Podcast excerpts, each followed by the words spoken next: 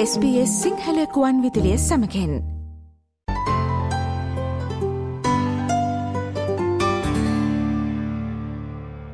ඔබ භාවිතා කළ මෝටරතය විකිනීමට කාලය එළඹ ඇති විට එය හොඳින් සෝදා පිරිසිදුකට මෝටරතයේ පොත සැකසීමට වඩා බොහෝදේ ඔබට කිරීමට තිබෙනවා. ඔබ ඔස්ට්‍රලයාාව තුළ ජීවත්වන ප්‍රදේශය අනුව මෙලෙස පුද්ගලික වාහනයක් විකිනීමේදී පවතින අවශ්‍යතා වෙනස් වනවා. ඔබේ මෝටරතය විකිනීමට සූදානම් කිරීමේ සිට විකිනීම සම්පූර්ණ කිරීම දක්වා ක්‍රියාවලිය පුරා අවශ්‍ය පියවර සහ නිර්දේශ අවබෝධ කර ගැනීමෙන් හිමිකාරිත්වය වෙනත් අයකුට භාරදීම කිසිදු ගැටලුවකින් තොරව සහ නීත්‍යානුකූලව සිදුකිරීම සහතික කළ හැකි. අද ඔස්ට්‍රලක්ස්පලේන් මගින් අවධානය යොමු කරන්නේ මේ සම්බන්ධයෙන්. ඕස්ට්‍රලියාව තුළ භාවිත කරන ලද මෝටරත සම්බන්ධින් දත්ත රැස්කිරීම සඳහා අධිකාරයක් නොමැති අතර පාවිච්චි කරන ලද වාහන වෙළඳපොළ ඔස්ට්‍රලයාාවේ නව වාහන වෙළඳපොළමෙන් තුන්ගුණයක් විශාල වන බව දත්ත හෙළිකොට තිබෙනවා. සෙකන් හැන්ඩ හෙවත් භාවිත කරන ලද මෝටරතයක විකුණුම් කරුවෙකු ලෙස ඔබ ඉලක්ක කළ යුතු ගැනුම්කරුවන් සැලකයුතු සංචිතයක් පවතිනවා. නිසත්වස් ෆයා ට්‍රේඩිං හි නියාමන කටයුතු පිළිබඳ අධ්‍යක්ෂ කෑති ටවන්සන් ඔස්ට්‍රලයාාවේ මෝටරත විකිනීම සඳහා පවතින මාර්ග පිළිබඳව අවබෝධයක් ලබා දෙනවා. කැති පවසන්නේ යමකු තම මෝටරතය විකිනීමට කැමති ආකාරය සම්බන්ධයෙන් තීරණය කිරීම තමන්ගේ මෝටරතය විකිනීමට කැමති පුද්ගලින් ගතයුතු පළමු තීරණය වන බවයි. ඒ අනුව ඩීල හෙවත් වෙළෙඳකු හරහා වෙන්දේසියක් හරහා හෝ පෞද්ගලිකව විකිනීම සිදු කළ හැකි.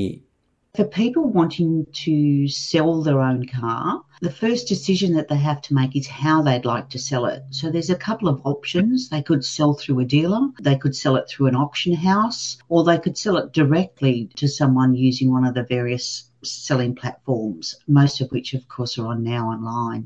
අලවිකරුවෙකු හෝ වෙන්දේසියක් හරහා සාමාන්‍යයෙන් ක්ලසික් හෝ කලෙක්ට හෙවත් වාහන එකතු කරන පිරිස සඳහා වාහන විකිනීම සිදුවනවා. මේ ඔස්සේ ඔබට විකිනීමට අවශ්‍ය රථය සඳහා ඔබට දැරිය යුතු වෙහෙස අඩු කරන නමුත් එමගින් ඔබට අවශ්‍ය මුදල නොලැබීමට ඉඩ පවතිනවා. මෝටර් රථයක් විකිනීමේදී ලාභ ලැබීම සාමාන්‍යයෙන් ඉලක්කය වන බැවින් මෝටර් රථ අලෙවි නියෝජිතෙකු හරහා විකිනීම හා සම්බන්ධ පිරිවැය සලකා බැලීම වැදගත් වෙනවා. උදාහරණයක් වශයෙන් වෙන්දේසියකදී සාමාන්‍යයෙන් 10ත් 15ත් පමණ වන කොමිස් මුදලක් ගෙවීමට ඔබට සිදුවිය හැකියි. මේ සම්බන්ධයෙන් කැති පවසන්නේ මෝටරතයක් විකිනීමේදී මෝටරතය සහ ලියාපදිංචි පත්‍රිකාවල සත්‍යතාවය තහවුරු කිරීමට අවශ්‍ය වන අතර මෙහිදී වාහන විස්තර පරීක්ෂා කිරීමට වින් හෝ චැසියංක වැනි තොරතුරු අවශ්‍ය විය හැකි බවයි.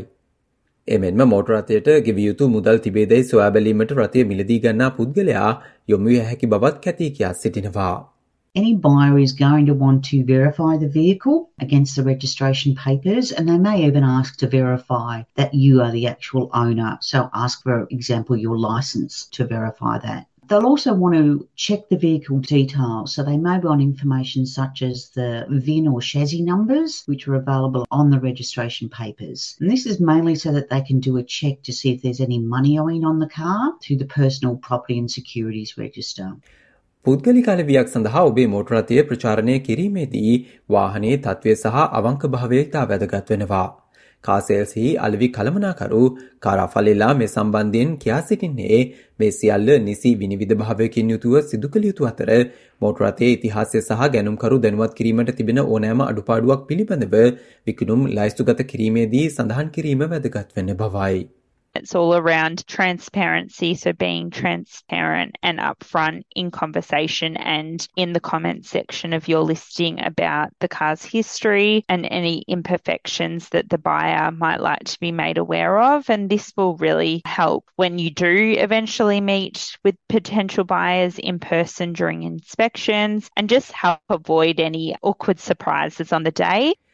ගැනුම්කරුවන්ගේ විමසීම්වලට කාලෝචිත ලෙස ප්‍රතිචාර දැක්වීම ඔස්සේ ඔබට ඔබේ රථය ඉක්මනින් සහ සාර්ථක බලවි කිරීමට හැකියාව හිමි වනවා. තම මෝටරතයට මිල නියම කිරීමට පෙර එවැනි තත්වේ මෝටරත සම්බන්ධයෙන් වන මිල ගණන් පිළිබඳව නිසි ලෙස සොයා බැලීම වැදගත් වන අතර එය ඔබට ගැනුම්කරුවන් ආකර්ශණය කර ගැනීමට උපකාරී වන බව කරා කියා සිටිනවා. ගැනුම්කරුවන් තම මිලගණන් පරීක්ෂාව සිදු කරන අතර මේ හේතුවෙන් ඒ වන විට පවතින වෙළඳපොළ වටිනාකම් මත පදනම්ව තමාට යම් මිල වෙනසක් සිදු කිරීමට හැකියාවක් පවතින ලෙස මිල නියම කිරීම වැදගත් වනවා. We know that buyers are very switched on. They do their research. So if you're serious about selling, try and price your car within the recommended range, which would be around that true market value to help you attract interest. The next tip is around negotiations. There are buyers that do like and enjoy the opportunity to negotiate the price. So it's always worth considering this when setting your price. And if you can allow a little bit of wriggle room room in your listing price to allow for negotiations. Alex Forrest යනු බටහිර ඔස්ට්‍රලයාාවේ royal automobile club හි වාහන සහ ඉන්දන සඳහා වන කළමනාකරු වනවා. ඔහු යෝජනා කරන්නේ මෝටරතය විකිනීමට යාමේදී ඒ සඳහා මෑත කාලිනව සිදු කළ අලුත් වැඩිය සම්බන්ධින් පලකිරීම ගැනුම්කරු ඉල්ලා සිටින මිල සම්බන්ධින් සාකච්ඡා කිරීමට සහ අනාගත ගැනුම්කරුවන් සමඟ සාකච්ඡා කිරීමට වාසිදායක බලපෑම් කරන බවයි. බොහෝ විට මෝටර රථ වෙළඳ දැන්වීම් වල නිසි කලට සර්විස් කිරීම සහ නව ටයර් දැමීම වැනි දෑ සඳහන් වන අතර මේ ඔස්සේ ගැනුම්කරුවෙකුට ඔවුන් මිලදී ගැනීමට යන මෝටර රථය ගැන වඩා හොඳ හැඟීමක් ඇති කිරීම සිදු කරනවා. එසේ නොමැති වුවහොත් ගැනුම්කරුහට ඔබ සමග මිල ගණන් අඩු කිරීමට එවැනි දේ උපකාරී විය හැකි බවත් ඇලෙක්ස් අනතුරුවඟවා සිටිනවා.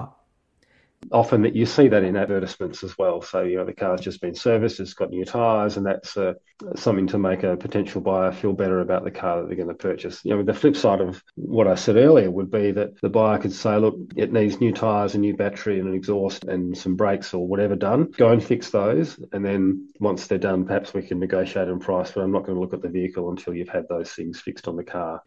කෙසේ වෙතත් ඔබේ මෝටරාතය විකිනීමට පෙර වැඩිදියුණු කිරීම් සහ වෙනස් කිරීම් සිදු කිරීම සෑම විටම නුවනට හුරුවන්නේ නැහැ. උදාහරණයක් වශයෙන් ගැනුම්කරුට අත්‍යවශ්‍ය නොවන්නේ නම් රූෆ් රැක්ස් විශාල රෝධ සහ ටයර් හෝ ටෝබා වැනි දේ ඔබේ රථේ මිල ඉහළ දැමීම සිදු නොකරනවා. කෙසේ නමුත් මේ සඳහා තවත් යම් මුදලක් ගෙවීමට ගැනුම්කරුවන් දිරිමත් කළ හැකි බව ඇලෙක්ස් පවසනවා. I guess if you're talking about roof racks and a roof bar and bigger wheels and tyres or different sort of add-ons like a tow bar and that sort of thing, typically they don't really in- increase the value of the car unless the buyer really specifically wants those things on it. That might incentivise them to pay a little bit more for it. But typically all those add-ons and optional extras that you can buy in the aftermarket don't add much more to the value of the car, especially if the buyer has to go and modify the car again back to how it was before because they don't like those optional extras that are on it. ඇතැම් පුද්ගලින්ට පුද්ගලිකව මෝටරතයක් විකිනීමේ එක් අවාසියක් නම් ගැනුම්කරුවන් තම නිවසට පැමිණ වාහනය පරීක්ෂා කිරීමට ඇති අපහසුතාවයයි. කාසෙල්සි අලවි කළමනාකරු කාරා මේ සම්බන්ධින් කියා සිටින්නේ ඔබ සමග මිතුරුකු හෝ පවුල් සාමාජිකයකු සිටීම සහ ටෙස් ඩ්‍රයිව් එකක් යාම සඳහා ඔබ පොදුස්ථානයකට ගැනුම්කරු හම්වීමට කටයුතු කළ හැකි බවයි. එමෙන්ම ටෙස් ඩ්‍රයිව් එකක් යන විට මෝටර රථය මිලදී ගැනීමට පැමිණි පුද්ගලයා පැමිණි රථයේ යතුරු හෝ ඔවුන්ගේ රියදුරු බලපත්‍රය තබා ගැනීම ඔබට සිදු කළ හැකි බවත් කාරා කියා සිටිනවා. That's another little tip there. You can have a friend or family member with you. With a test drive, you can arrange to meet the buyer in a public place. For example, a shopping centre car park where there are people around. You can ask to hold on to their car keys for the car that they drove to meet you or even hold on to their driver's license just as a bit of security when going on the test drive. And you can also go in the test drive with them and sit in the passenger passenger seat. ඔබ ජීවත් වෙන ප්‍රාන්තය හෝ ටෙරටරිය අනුව ඔබේ මෝටරාතය විකිනීමට පෙර එය compliance කඩිෂන් check හෙවත් අනුකූලතා තත්ව පරීක්ෂාවකින් සමත්වීම අවශ්‍ය විය හැකි.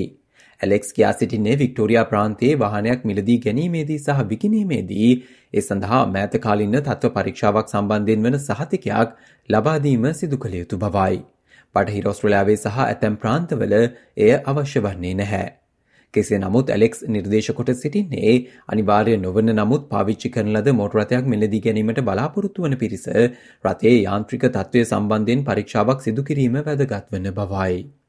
in Victoria, whenever a vehicle is bought and sold, it needs to come with a recent roadworthy certificate. And that's not required in Western Australia. So there's a significant difference in the vehicle checks that are required by law across the different states in Australia. And then there are also the vehicle mechanical condition checks that are not mandated, but they are highly recommended for people who are looking to buy a used car.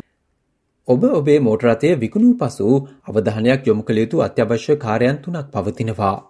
ඔබේ මෝටරත රක්ෂණය සහ road side ඇසිස්ටන්් සේවා සපයන්නන් සම්බන්ධ කර ගැනීම ඔබේ මීළඟ මෝටරතයට ඔබේ ටොල්ගිනුම් මාරුකර ඇති බවට වගබලා ගැනීම සහ ඔබේ ප්‍රාන්තේ හෝ ටෙරටරයේ මෝටරත ලියාපදිංචි කාර්යාලයට රථය විකුණු බවට දැනුම්දීම මෙම කාර්යන් තුන වනවා. මෝටරතයක අයිතිය වෙනස් කිරීම මාරු කිරීම සහ බැහැර කිරීම සඳහා ලියකිවිලි සහ අවශ්‍යතා ඔස්ට්‍රලියාව පුරා වෙනස් වන බව සැලකිල්ලට ගැනීම වැදගත් වෙනවා. නිවසත්වල්ස් ෆ්‍රයා ට්‍රඩිංහි කැතීමේ සම්බන්ධයෙන් කියා සිටින්නේ නිවසත්වල්සහි එය සර්විස් නිවසත්වල්ස් වෙත දැනුම්දිය යුතු අතර එය රතේ විකිනීමෙන් පසු හැකික්මනින් දැනුම්දීම අවශ්‍ය වන බවයි.